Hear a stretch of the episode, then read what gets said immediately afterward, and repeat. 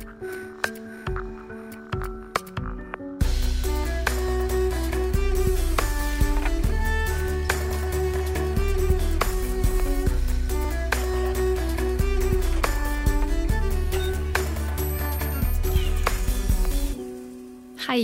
alle sammen. Velkommen til en ny episode av Nerve med meg, Tone Sabro. Og i dag blir en eh, kan, Det kan jeg bare si med en gang, at det her blir nok en eh, såkalt bloggcast-episode. Jeg har veldig lite fornuftig å komme med i dag. Ingen spesielle, sære temaer. Ingenting å rante om. Ehm, så det blir en, en liten prate, litt sånn løs og casual-episode i dag, rett og slett. Eh, jeg har noen notater foran meg, men det er eh, ganske, ganske uviktige eh, greier, vil jeg si. Jeg er også en dag tidligere ute denne uka. Det er kanskje noen veldig observante lyttere der ute som har lagt merke til at det jo er tirsdag i dag. Og det er rett og slett fordi i morgen skjer det litt for mye til at jeg kan spille inn i morgen. Jeg skal tatovere meg i morgen. Jeg har en, eh, time hos Trine Grim, som er eh, veldig veldig, veldig flink. Hun har jo tatt, eller holder på med hele ryggen min. En svær, svær pis på ryggen min. Men det er ikke den vi skal fortsette på i morgen. Jeg har nemlig fått henne til å, å begynne på magen min i morgen. Jeg har, jeg har jo Øverste delen av magen har jeg jo tatovert allerede. Nå Eh, skal jeg begynne på den liksom nedre delen av magen, på en måte rundt, eh, rundt navl, under navl. For der er det tomt, og der har jeg en plan eh, for hva jeg har lyst på. Og jeg har veldig lyst til at Trine skal lage det, og jeg har veldig lyst til å begynne med en gang, for jeg er så utålmodig. Um, og jeg er så glad for at det begynner å fylle seg opp med blekk på kroppen min. Det er um, det er rett og slett uh, veldig, veldig fint. Uh, jeg skal um, ja, Jeg har ikke noe konkret plan egentlig om å fylle opp måte, hele kroppen med, med blekk og tatoveringer. Men jeg kan jo se litt ut som om det blir eh, bortimot hele kroppen likevel. Eh, jeg, eh, før jeg prater videre, så skal jeg også si at denne, denne podkasten blir jo som vanlig også livestreamet på min eh, YouTube-kanal som heter Nerve med Tone.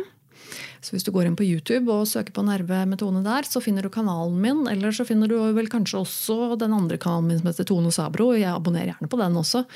Eh, og her livestreamer jeg altså hver episode av Narve. Og eh, vanligvis er ikke det noe sånn at jeg eh, legger det ut på forhånd, og sånn, så det blir litt sånn spontant. Så vanligvis er det ikke så mange folk som pleier å se på. Jeg har litt, vet faktisk ikke hvor mange som pleier å se på live, men det er kanskje noen få stykker. Um, og jeg pleier ikke å ta kommentarer og spørsmål og sånn her, men i dag kan jeg godt gjøre det sånn i tilfelle det kommer inn noe. Eh, for i dag har jeg litt sånn eh, lav terskel og bloggcast og sånn, så kom gjerne med kommentarer eller spørsmål hvis du ser på live. Så skal jeg se, på, se om jeg får tatt det med. Eh, og i morgen, i tillegg til å tatovere meg, så skal jeg også reise til Vennesla med samboeren min. Så derfor så blir det ikke noe tid til podding i morgen. Eh, men ja, eh, jeg følte rett og slett for å si litt mer angående dette med, med tatovering. Eh, de som har sett hvordan jeg ser ut, skjønner jo med en gang at tatovering er noe jeg er opptatt av. Og det har det vært i mange år. Før jeg tok min første tatovering, egentlig, så visste jeg at jeg kom til å ville ha mye. For jeg har, helt siden det var noe jeg skjønte at fantes, så syntes jeg det var veldig kult. Jeg tok min første tatovering da jeg var 18. Eh, en liten tatovering eh, bak øverst på ryggen. Um, og da jeg satt der og tok den tatoveringa, så uh, skjønte jeg jo at dette er uh, starten på, på, mye blekk. Og det hadde jeg jo rett i. Uh, det er dyrt, men det er en ting jeg prioriterer penger på. Det er noe jeg har, er lidenskapelig opptatt av, og noe som har ikke minst hjulpet meg veldig mye. Ehm, jeg tatoverer meg jo ikke for, for, noen andre enn meg selv. Det er ikke sånn at jeg meg eller har masse tatoveringer for at jeg vil se ut som en måte for andre mennesker, eller at, at det skal være et eller annet image, eller at noen eh, altså, det, er ikke, det, er ikke, det det går i. Eh, for meg så har det hjulpet meg veldig mye å like kroppen min. For jeg har eh, Ja, egentlig så lenge jeg kan huske, så har jeg jo slitt med å like kroppen min og like meg selv og selvfølelse. og alt det der, Men har jo slitt med spiseforstyrrelser. Og, og, det er jo ganske naturlig at det er litt sånn knyttet opp til kropp og sånne ting. Eh, dessverre. Eh, men jeg, jeg, sliter litt, eller har hatt veldig problemer med å være komfortabel i min egen kropp. Um, og etter at jeg har begynt å få mye tatoveringer på kroppen, som jeg jo ønsket meg, så merker jeg jo også at jo mer tatoveringer jeg har, Eh, jo mer komfortabel føler jeg meg i min egen kropp. For meg så har det vært en, eh, en fantastisk måte å eh, ta eierskap til kroppen min. Bestemme hvordan kroppen min skal se ut, og gjøre, noen, gjøre den til noe som jeg liker.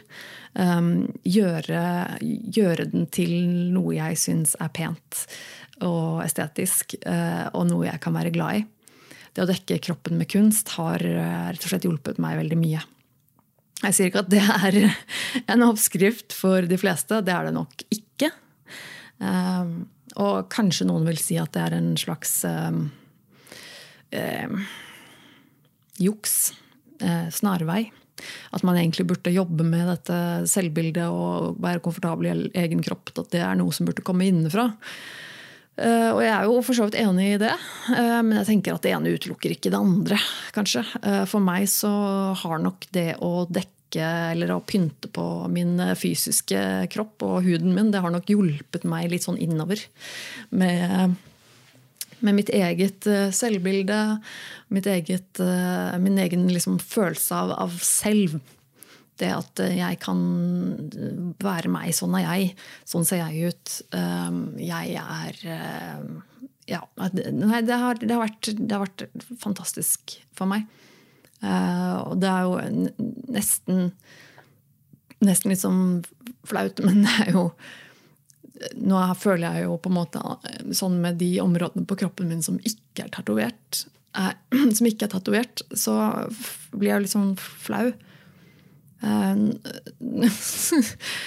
så nesten litt sånn Nesten litt sånn omvendt. Litt sånn rart nå. For det nå, inntil nylig så hadde jeg f.eks. halvparten av den ene leggen min. Eh, hele liksom, innsiden av leggen var helt uten tatovering. Og det syns jeg alltid var den vanskeligste eller kjipeste liksom, delen av kroppen min å vise frem. Uh, nei, det er ikke helt sant. Men da mener jeg bortsett fra litt mer sånn intime deler av kroppen. Da. Sånn du, på sommeren når du går i shorts, liksom. Så er det litt sånn øh, Ikke se på den leggen, den er, den er så naken. Uh, men uh, nå, har jeg, nå har jeg dekket det også. Eh, og jeg, jeg, hadde jo egentlig ikke noe sånn i utgangspunktet, som jeg sa, noe sånn plan om at jo, jeg skal dekke hele kroppen. Det har liksom bare blitt eh, mer og mer.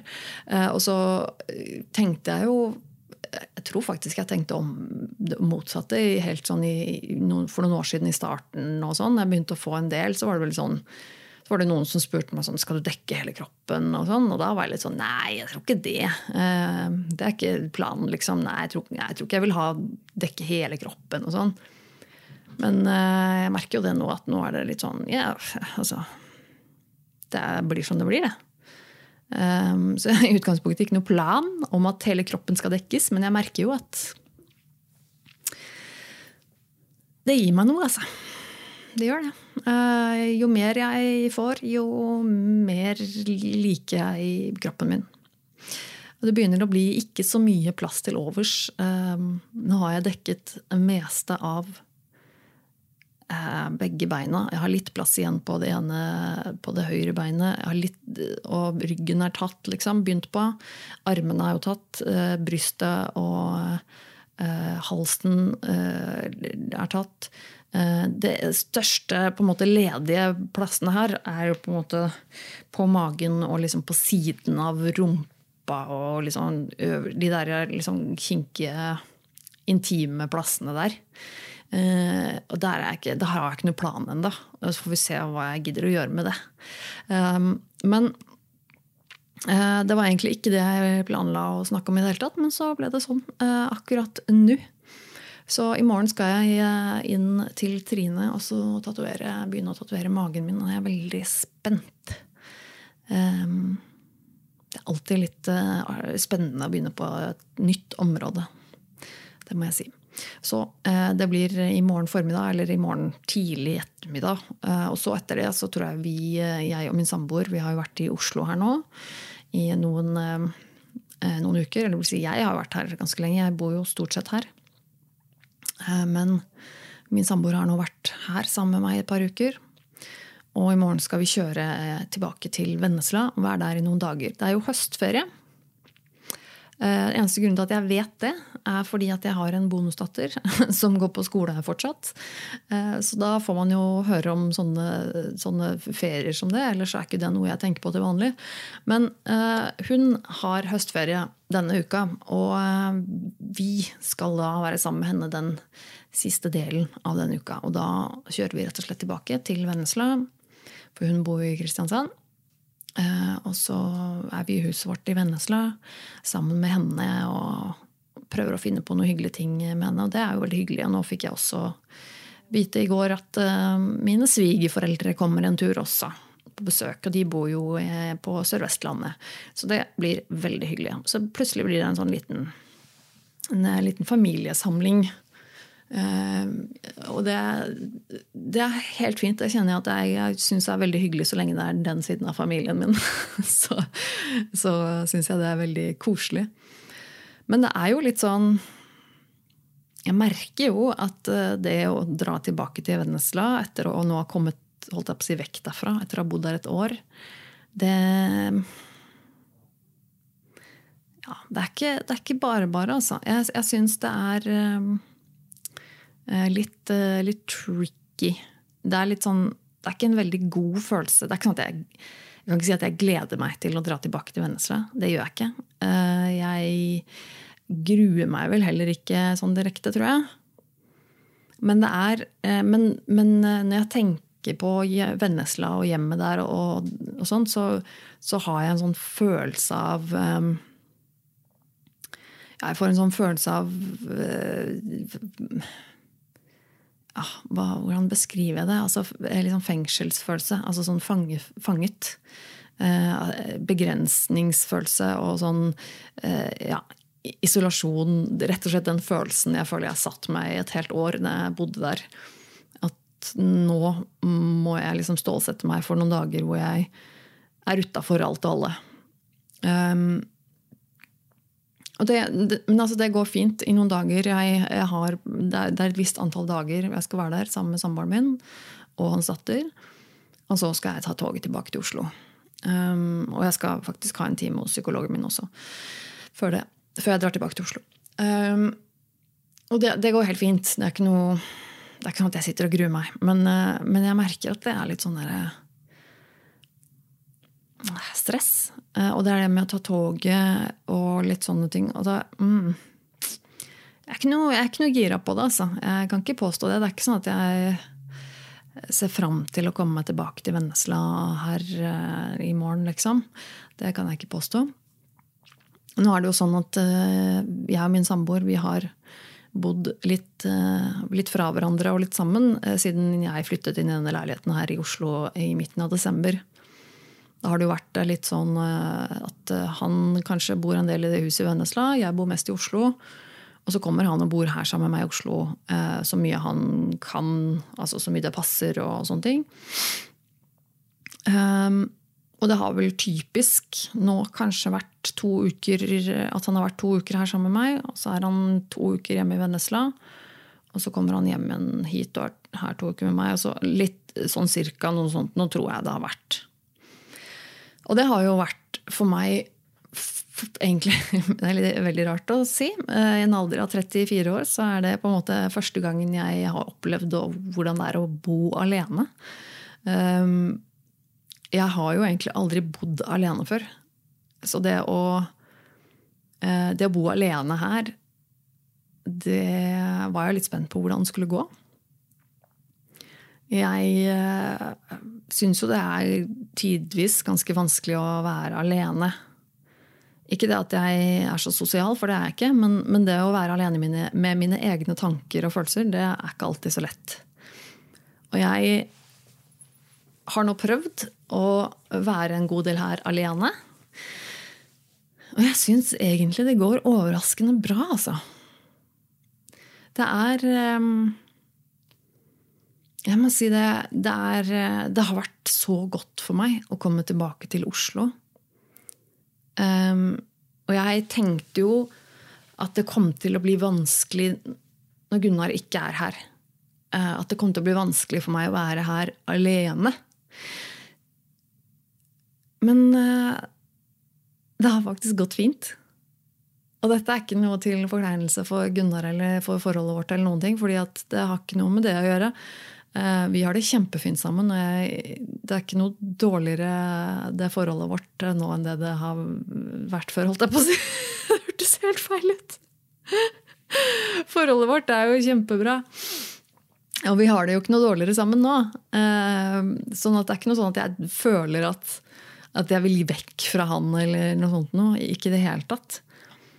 Så jeg tenkte åh, jeg kommer til å savne han så mye. jeg kommer til å ha det helt fælt og grusomt. Og så, ja, jeg savner han jo. det skal jo ikke se bort fra det at det blir litt sånne dager hvor jeg tenker sånn øh, Nå skulle jeg ønske han var her. Og det å sove alene i senga hver natt og sånn, det er ikke ja, det er ikke så, alltid så fryktelig gøy. Eh, men det har gått overraskende bra.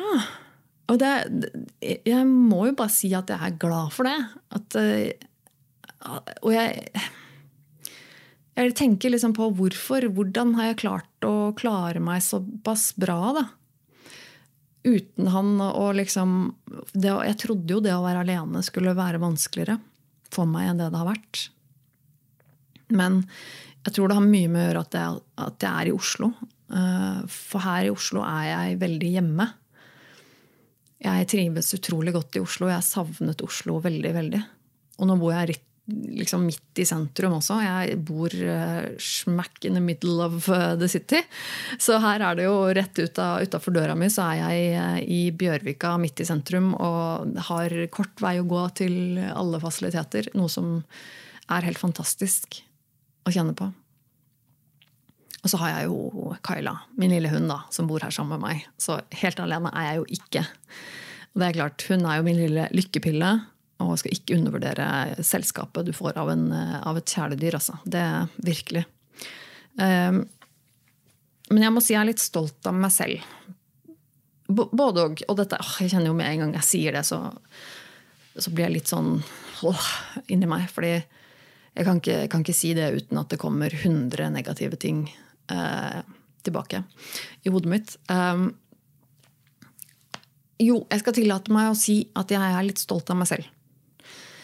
Jeg er litt stolt av meg selv um, for at jeg har uh, klart å ta det å flytte hit alene på en måte da, så positivt. At jeg har klart å ha en så positiv holdning til det, og at det har gått såpass bra. For det er jo mye min egen eh, fortjeneste, det, må jeg jo kunne si. Og så eh, samtidig så eh, Når jeg sitter og sier sånne positive ting om meg selv, så, så kjenner jeg at hodet mitt eh, renner over av negative kommentarer. Hvor jeg bare Nå går det en sånn karusell oppi hodet mitt hvor jeg bare forteller meg selv alt det jeg gjør som ikke er riktig, og det som er feil, og hva som ikke passer, og hva, som, hva jeg ikke får til. Men nå skal jeg prøve å ignorere det og ja, det er, det er selvfølgelig ting jeg ikke får til. Jeg ble ikke plutselig frisk igjen uh, av å flytte tilbake til Oslo. Og jeg Nei, selvfølgelig. Det er ikke så enkelt. Men jeg, jeg skal virkelig prøve å ta det til meg, det der med at jeg, jeg, jeg har det ikke så verst. Selv om jeg bor her alene, så går det greit. Jeg klarer å bo her og være i mitt eget selskap. Eh, de aller fleste dager så går det helt fint. Og det skal jeg faen meg ha et klapp på skulderen for, for det har jeg jo jobba med sjøl. Det er jo min fortjeneste at jeg har jobba med det. At det skal være greit å være i mitt eget selskap. Det er ikke både Det det er ikke det er ikke enten-eller, holdt jeg på å si. Det går litt opp og ned. Men um, jeg kan jo virkelig si det at jeg trives bedre i mitt eget selskap nå enn jeg gjorde for ja, bare et halvt år siden. Et år siden, i hvert fall. Og det føles bra. Jeg er ikke helt sikker på hvordan jeg har klart det, men, men det er blitt bedre. Og det er som jeg snakket med også min, eh, min kjære venninne eh, Line. Ja, nå nevnte jeg navnet ditt, Line. Uh, om dette med angst og, og sånne ting. Og det, kan, det, er ting jeg kan snakke mye om. Det vet dere jo. Hvordan det er um, lurt, i hvert fall for meg, og sikkert for mange andre også, å kikke tilbake igjen på de siste årene. Og jeg kan sitte nå, her i 2023, og se tilbake på spesielt året 2017, 2018, 2019 som var de vanskeligste årene mine. Som var de årene jeg begynte, begynte med behandling og ble innlagt. Og, altså, det var helt kaos. Jeg sleit med å altså, det, det, Jeg vet ikke om det var noe jeg ikke sleit med. Altså, det var alt. Hele livet mitt. Alt i livet var helt forferdelig. Uh, og når jeg da på en måte nå kan sitte og tenke at nå er det jo ganske mye som er bedre. Eh, jeg har ikke like mye angst for ting. Nå kan jeg gå ut av døra og ta meg en tur. Jeg kan, jeg kan finne på ting og, og, til og med gå på en date liksom, med noen jeg ikke har truffet noen gang før. Og, og, bare ha en sånn positiv innstilling til det. Og ikke minst også Apropos det, så ikke daten, men det å møte folk. Eh, ble jeg kontaktet på Instagram av en, en norsk eh, fyr som driver med foto på fritiden. Som gjerne ville ta bilder av meg. Um, så, altså at jeg kunne være modell da, for en, i en fotoshoot. Uh, og det er ikke noe sånn uh, sketchy greier her. Jeg vet hvem han er og, og sånn. Og det er ikke noe, ikke noe sånn lurerier. Men vanligvis Og jeg, og jeg, jeg har jo stilt opp for samboeren min, som også er fotograf, og har eh, tatt en god del bilder med han og, og sånn. Um, det er jo kjempegøy å ha kule bilder av seg selv. Sånn skikkelig proffe bilder. Det er jo veldig gøy. Uh, men jeg er jo ikke sånn i utgangspunktet veldig glad i å ta, bli tatt bilde av. Men, men, når det er samboeren din, så er det liksom noe litt annet. Da kan jeg liksom føle meg ganske komfortabel. Og så kommer det en fyr her som på en måte vil ta bilder av meg, og så blir jeg litt sånn åh, shit. Min, min umiddelbare reaksjon er jo bare å si nei, nei. Det skjer ikke. At jeg skal være modell for deg, som er en random person jeg ikke kjenner. og sånn. Jeg får jo kjempeangst med en gang. og bare sånn, herregud, jeg kan ikke gjøre det. Uh, og ikke fordi at det er noe feil med han, eller det han spør om, men bare at jeg kan jo ikke altså, det, det, må jeg møte opp et eller annet sted, og så er det en fremmed, og så er det angst, og så må jeg late som at jeg er så komfortabel, og så må jeg liksom uh. Nei, det er så mye med det som jeg bare med en gang øyeblikkelig bare tenker nei, nei, nei, nei, nei. det uh, skjer jo ikke. Men så er det et eller annet som har snudd litt i meg uh, etter at jeg kom tilbake igjen til Oslo. Jeg har turt å si litt mer ja. Jeg har turt å utfordre meg selv litt. Og jeg skal igjen gi litt kred til, til min venninne Line for at hun inspirerer meg til å være litt flinkere til å si ja til ting. For det er noe med bare å, å Bare si ja. Og, og prøve å jobbe litt altså, Ja, jeg skjønner at det ikke bare bare. Men noe med å liksom ikke bare bli stuck i den, der, den komfortable biten. Altså den, den, lille bobla hvor jeg har min lille leilighet her i Oslo og bare gjør ting som er komfortabelt. Altså, Jeg klarer meg fint med det, jeg, men, men, men hva om jeg kanskje kan si ja til noe som i utgangspunktet føles litt ukomfortabelt, som ikke er farlig, kanskje jeg kan få noe igjen for det. Det vet jeg jo at jeg nok mest sannsynlig kan. I mange tilfeller så er det jo sånn livet funker. Eh, det er tilfeldigheter og muligheter som dukker opp. Og hvis du sier ja til dem, så plutselig så dukker det opp en mulighet. Og så blir du kjent med noen som gir deg noen andre muligheter, og så baller det på seg. Så jeg sa faktisk ja til å møte denne fyren og bare prate litt om foto, eh, hva han hadde lyst til å ta bilde av og sånn osv. Og, så videre, og, så det er jo helt ulikt meg å gjøre det. Og bare si sånn ja, ja, selvfølgelig, det, det kan vi sikkert gjøre, liksom. Altså, Nesten så jeg ikke skjønner hva som går av meg. Uh, men, men, jeg kjenner at jeg er blitt ganske flink til å trygge meg selv. Um, til å ikke la kanskje de der følelsene og tankene spinne av gårde i, i, full fart, helt ukontrollert. For når han da spør meg om det, om det med bildene, og så er jeg litt sånn Så sier jeg ikke nei med en gang, men jeg kanskje spør liksom litt mer detaljer. Kanskje spørre sånn ja, hva, Var det noe spesielt du hadde i tankene? Eller hva eh, liksom sånn. Og så han da foreslår på en måte at kanskje vi kan bare møtes på en kafé og bare prate litt om det, og se om det er noe du er interessert i. Så tenker jeg at eh, første, altså aller første instinktet mitt er å si nei. Åh, det har jeg ikke lyst til. Men la oss sette det litt til side, og så tenker vi litt mer. Og så tenker vi ok, har jeg noe å tape på det? Si ja til å treffe en person på en kafé i nærheten. Og ha en liten samtale. Det er ikke så farlig. Det taper jeg ikke så mye på. Um, det er en kafé som er i nærheten. Det er ikke så langt for meg å gå. Det er ikke noe sånn at jeg må stresse masse med å få til å komme meg dit. Um, det å ta en kaffe på et offentlig sted er ganske sånn Det, ja, det er lave skuldre. Det har vi gjort mange ganger før. Det er en kafé jeg har vært på mange ganger før. Det, liksom, jeg, det, det å gå på kafé er liksom en ting jeg føler, meg, føler at jeg kan. Uh, på en måte. Ok, kanskje jeg bare skal si ja til det, da. Og så uh, kan jeg heller vurdere om det er noe mer jeg vil gå videre med seinere. Altså, jeg, jeg, kan si nei, jeg kan si stopp. Jeg kan, si, jeg, jeg kan gå på den kaffen og snakke om den fotoshooten, og så kan jeg, kan kan kjenne litt på det, og så, og så, kan jeg alltid si nei senere. Og prøver å være litt raus med meg selv, da.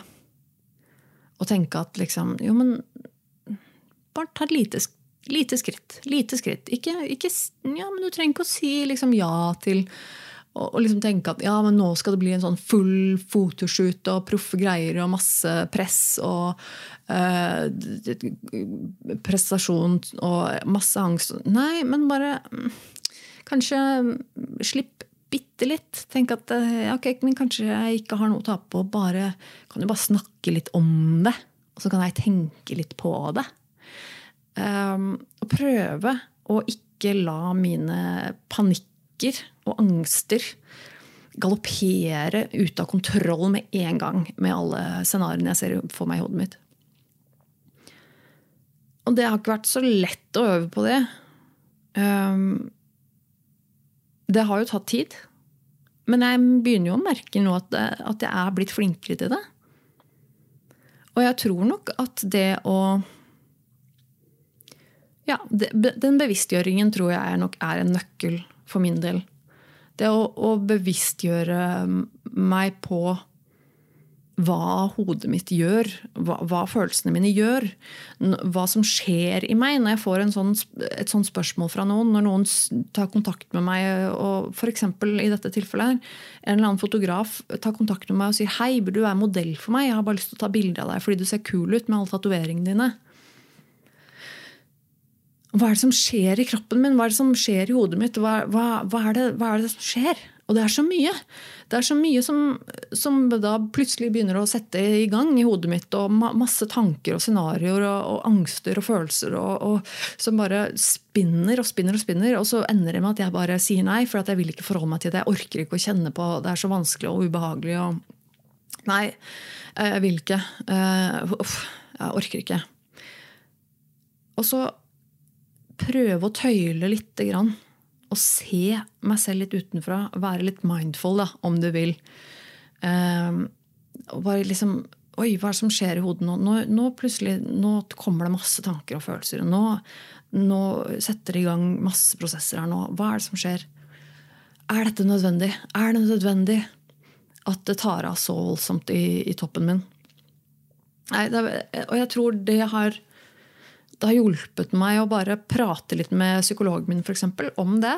Om, om, alt som skjer i hodet mitt, og, og, hvilke prosesser som setter i gang. Og det å bare gjøre seg litt bevisst på de prosessene. Um, og han også har meg, hjulpet meg å bli litt bevisst på at liksom, oi, nå, nå, nå starta det veldig mye, mye, prosesser i hodet ditt. Eller når vi snakker om det nå altså, hva, hva, Og så kan jeg ta meg selv i det litt mer og si oi, ja, nå, oi, oi, nå var det mye.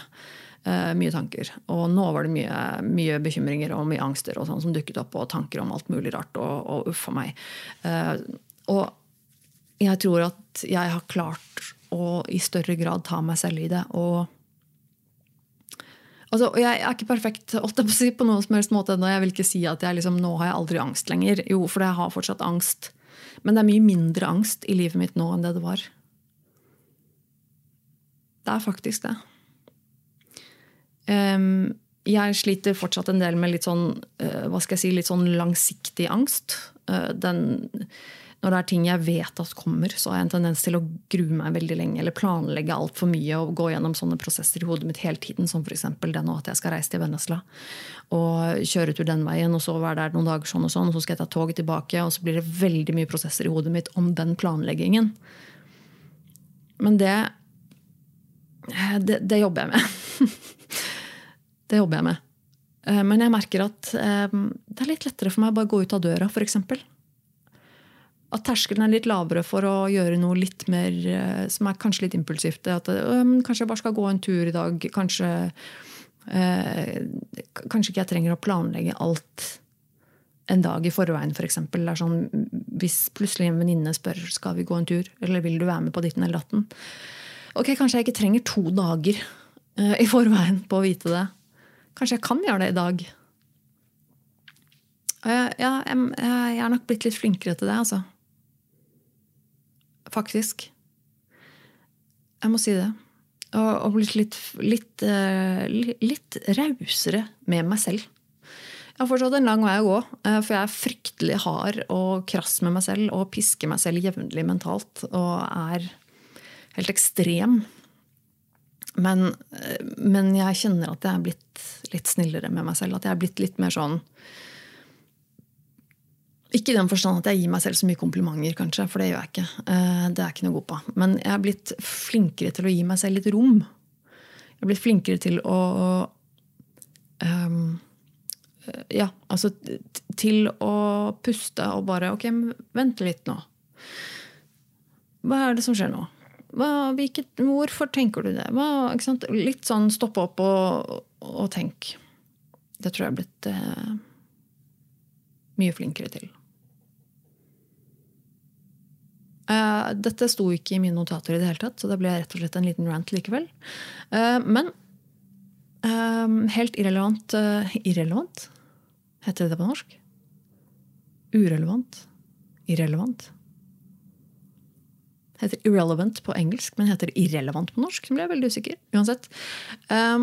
jeg skal jo ta toget fra Vennesla og tilbake til Oslo om noen dager. Rettere sagt i starten av neste uke. Og da er det jo sånn at når man skal ta tog i Norge, så kan man jo booke billett på forhånd. Og jeg får, får ta med meg hunden min også, Kyla. Jeg får ha med henne på toget.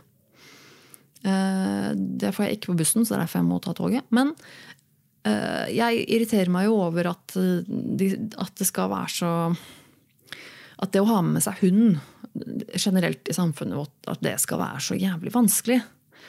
Eh, for meg så er det jo sånn at hun er viktig for meg å ha med. Hun, har, hun er jo ikke bare kjæledyret mitt og, og liksom ungen min, men hun er jo faktisk ganske viktig for meg i, i, i, forhold til min velvære, i forhold til hvordan jeg fungerer. Og ja, jeg vil egentlig påstå at hun er en slags terapihund for meg. Um, men skal jeg ta toget med henne, så er det, så, så, så er det visse reserverte seter som på en måte er forbeholdt de som har med seg kjæledyr. Og det er sånne vanlige, kjipe, trange seter bakerst i en eller annen vogn. Eh, men jeg, for eksempel, hvis jeg skulle sånn helt eh, Hvis jeg skulle velget selv når jeg tar tog, så ville jeg helst kjøpe en komfortbillett, f.eks. Ikke fordi at jeg er så innmari fin på det, men fordi at jeg blir litt sånn dårlig fysisk av å ta tog. Jeg, ikke bare fysisk, egentlig får jeg litt sånn klaustrofobi og syns det er litt ekkelt. Jeg kan få litt angst av det. Eh, men jeg blir også fort bilsjuk, eller reisesyk. da. Eh, og så eh, vil jeg gjerne ha litt plass rundt meg. Jeg har egentlig ikke lyst til å jeg må liksom ha det ordne litt for å få det så komfortabelt som mulig. fordi det å ta den, den lange togturen for meg er i utgangspunktet ganske dritt. Um, men jeg får ikke lov å ha med Jeg kan ikke bestille komfortbillett hvis jeg så skal ha med en hund. Så det går ikke. Uh, og generelt så er jo dette også noe som irriterer meg i hverdagen. I, og til og med i Oslo, hovedstaden i, i vårt ganske land, så er dette, dette med å ha med seg hund, det syns jeg er unødvendig vanskelig noen ganger. Det fins jo uh, selvfølgelig uh, hundevennlige steder uh, i, i, Oslo. Og i resten av landet, for så vidt. Men det er ikke så mange av de. Og det irriterer meg grenseløst. og det er ikke sånn i Norge at jeg kan Som f.eks. i Statene så har de jo noe de kaller for emotional support animal. som du kan på en måte få Sånn som jeg har skjønt det, da, så kan du få litt spesielle tillatelser uh, for å ha med deg et, et, dyr som er registrert som en emotional support animal. Uh, som altså terapihund uh, for deg. Å ta med den på steder. Vi har ikke noe for det i Norge. Vi har terapihund i Norge. Men terapihund i Norge er noe litt annet enn det du kanskje tenker på. Det er mulig jeg har nevnt dette i podkasten før, så i så fall får du bare ha meg unnskyldt. Men terapihund eh, er jo noe som brukes for en tredjepart eh, liksom, i Norge. Så en terapihund er jo en, en, en, en, eier som har en hund som er registrert terapihund. Hvor da eier tar med denne hunden til f.eks. Eh, et bo- og omsorgssenter for eldre. Hvor de da jobber som en slags terapihund for de som da er brukere der. Det er ikke en terapihund for eieren. Um, og samme med, med servicehund, f.eks. Servicehund har vi jo for, for blinde eller sterkt svaksynte osv. Eh, har jo servicehunder. Eller for folk som er eh, funksjonsnedsatt, så har de jo servicehunder. Og da blir det jo selvfølgelig også spesielle regler. Disse hundene kan jo ta med omtrent hvor som helst. Eh, men sånne som meg, som har psykiske problemer og vansker med å fungere og reise rundt og være i samfunnet. I enkelte tilfeller. Ehm, det er ikke sånn at jeg bare kan ta med meg hunden min, selv om det hjelper at jeg har henne med. Og det irriterer meg veldig. Kunne vi ikke hatt en uh, lignende ordning i Norge? En uh, emotional support animal. Jeg kan registrere henne som min, min støttehund. så kan jeg få ha med henne på en kafé eller hva det er nå enn er jeg skal. Uh, som gjør at livet mitt blir lettere. Og det er jo, som sagt, det fins en del uh, kafeer og sånne ting i, i Oslo som er uh, hundevennlige. Men det er altså de aller fleste så får du beskjed om at nei, du får ikke lov å ha med deg hunden din her. Og det irriterer meg grenseløst. Jeg kan selvfølgelig forstå det at det ikke er alle hunder som egner seg å ha med inn på en kafé eller en restaurant eller hva det skal være. Eh, det, det skjønner jeg. Og da, og da, tenker jeg at i de tilfellene der så må man jo ta tak i det i så fall. Hvis det er en hund som lager bråk eh, eller et eller annet, så må man jo i så fall ta tak i det der og da. Men jeg tenker jo at uh, de aller fleste tilfellene så er ikke det et stort problem. Jeg har vært på hundevennlige kafeer hvor det er flere som har med hund. Der jeg har aldri opplevd at, at det er et problem med noen hund på den måten. Um, og så blir jeg litt irritert, fordi det er veldig mange av disse stedene som, som, påstår at det er en lov som sier at du ikke har lov til å ha med hund, og det er bare bullshit. Uh, for at jeg har faktisk sjekka det. Uh, og i, ifølge Mattilsynet så er det ikke noe lov. Det er ikke noe, det er, ikke noe generelt reglement som sier at du ikke har lov til å ha med deg hund eller kjæledyr inn på et sted hvor de serverer mat. Så lenge du ikke Hva er det står? Så lenge det ikke er direkte fare for mattryggheten. Altså Så lenge ikke eh, f.eks. at det er en hund som får løpe rundt på et kjøkken hvor de lager mat. For da kan jo det være i fare for at det, at det gjør noe eh, ødelegger for mattryggheten. Men at en hund sitter da på fanget mitt eller ved siden av meg på gulvet i et kafé-restaurantområde, stille, er ikke fare for noen. Eh, og du kan kanskje lure på om ja, folk som er allergiske og sånn. Ja, men det er, ikke, det er ikke fare for de som er allergiske heller. Det er ingen som er allergisk mot hund, som sitter på et bord eh, i nærheten, som plutselig kjenner at 'oi, nå er det en hund her'. Um, det er ikke helt sånn det funker. I hvert fall har jeg aldri hørt om noen som er så allergisk uh, for hund. Uh, det, det, så, så det er, jeg klarer ikke helt å finne noen gode argumenter for at jeg ikke skal ha, få lov til å ha med min hund. Og Noen tenker sikkert at det er litt bagatell, men for meg som sagt, så er det jo faktisk litt big deal. For det hadde gjort mitt liv ganske mye lettere om jeg kunne hatt med henne. Om jeg slapp å planlegge og tenke langt hvor i all verden og nå er, nå er jeg ute og går Eh, og har lyst til å ha en kaffe i dag. Hvor kan vi gå hen? For jeg får nesten ingen steder jeg har lov til å ha henne med. Um, og, og, de tingene der. Eh, kan vi ikke Ja, det Frustrerende. Veldig frustrerende. Uh, men uh, så, så, jeg, jeg syns vi kan uh, starte terapihund, eller hva man skal kalle det i Norge. Emotional support animal. Det hadde vært perfekt. Gi meg et lite, sånn, lite sånn kort eller noe sånt. Kan ha inne i lommeboka mi. Bare se at hun er registrert i et eller annet system som en, en nyttehund for min psykiske helse. Vær så snill. Det hadde vært helt fantastisk. Jeg merker jo da at at nå når, til, når, vi skal kjøre tilbake til Vennesland, så skal vi kjøre. Vi har bilen her i Oslo nå, og da, da, er det ikke noe problem. Vi har jo med oss Kyla i bilen. Det er ikke noe problem i det hele tatt. Men når jeg skal tilbake igjen, så må jeg ta toget, og da vet jeg at jeg blir plassert på en av de der plassene som er sånn for hunder og kjæledyr. som er og så vet jeg ikke om jeg får sitte aleine. Kanskje for alt jeg vet, så, så det er en annen person som blir plassert ved siden av meg. Eh, det ble det jo egentlig eh, sist gang. Da var det heldigvis såpass mange ledige at hun flyttet seg. Men eh, sist gang jeg tok det toget, så var det jo egentlig en dame som skulle sitte ved siden av meg. Jeg satt ved, innerst ved, ved, vinduet og skulle da ha med min hund, og så kom hun med sin hund på setet ved siden av meg. Så egentlig så var det jo beregnet at vi skulle sitte da på hvert vårt sete ved siden av hverandre med hver vår hund på fanget. Altså um, Vær så snill.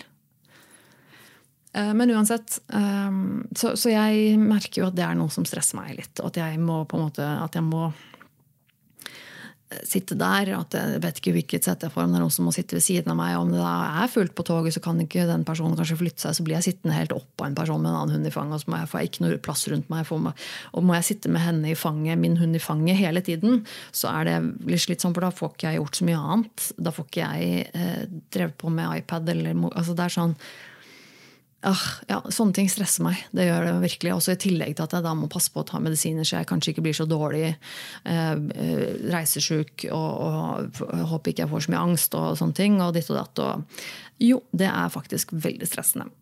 Eh, så bortsett fra det så skal det gå bra. Men jeg må innrømme at jeg eh, Jo, ok, jeg gruer meg kanskje litt til den togturen. Jeg gjør det. Men det skal jeg klare å overleve. Jeg har gjort det før, jeg skal klare det igjen. Ehm, det er noen timer, og så er det, så er det over. Jeg skal ehm, Jeg skal runde av nå. Eh, nå har jeg snakket i tre kvarter omtrent. Og det er mer enn nok. Jeg, skal, jeg hadde jo ikke noe fornuftig å komme med i dag, jeg, som du sikkert har hørt.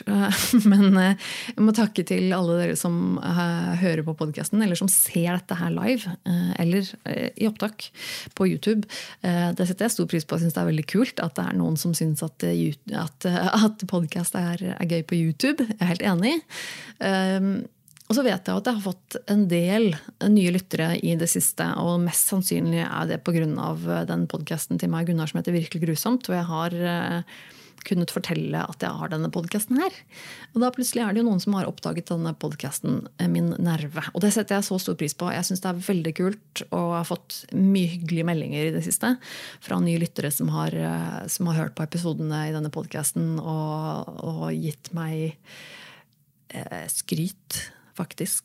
Eh, det syns jeg er kjempekoselig og veldig overveldende. Og veldig sånn oi, ja, takk. Ehm, det er, det er kjempehyggelig. Så takk til alle nye lyttere. Takk til alle gamle lyttere også. Eh, og så ja, må, gjerne, må jo si også at eh, hvis noen har lyst til å sende meg mail og, og snakke, litt, snakke, litt, til meg på mail, så send den til nervemetone at gmail.com. Det er bare jeg som leser mailen som kommer inn der, bare så det er sagt. Um, eller så kan du nå meg da, i sosiale medier, for jeg, jeg er ikke så vanskelig å nå. Altså. Jeg, pleier å, jeg, pleier å, svare folk som, som, skriver til meg, og som ønsker å, å et, et, eller annet. Uh, de, de, fleste får et uh, svar. Jeg syns jo det er veldig hyggelig å, å, å høre fra folk der ute.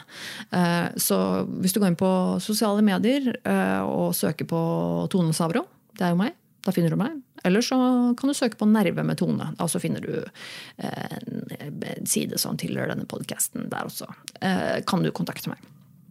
Eller så må jeg bare si takk til alle som går og støtter meg på YouTube. Det å lage YouTube-videoer er uh, mye jobb, uh, og det er ekstremt lite penger å tjene på. I hvert fall for en som meg, som ikke har liksom, kapasitet til å drive og lage videoer mange ganger i uka. Eh, så jeg hadde satt veldig pris på om du hadde gått inn på YouTube og, søkt på Tone Sabro, og så abonnert på kanalen min. Og kanskje se noen av videoene mine. For det, det er helt gratis. Eh, men det hjelper faktisk meg ganske mye. Så uh, ja, Men det, det, er alt jeg skal si. Um, det er rett og slett Jeg skal si takk. Uh, og så skal jeg si at jeg er tilbake neste uke. Uh, jeg vil tro at jeg er tilbake neste onsdag. Um, og så i mellomtiden så får du ta vare på deg selv, da.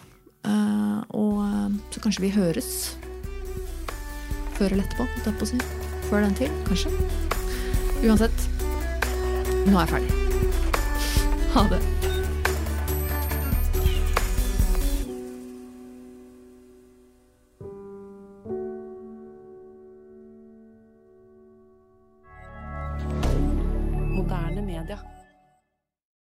Har du et enkeltpersonforetak eller en liten bedrift?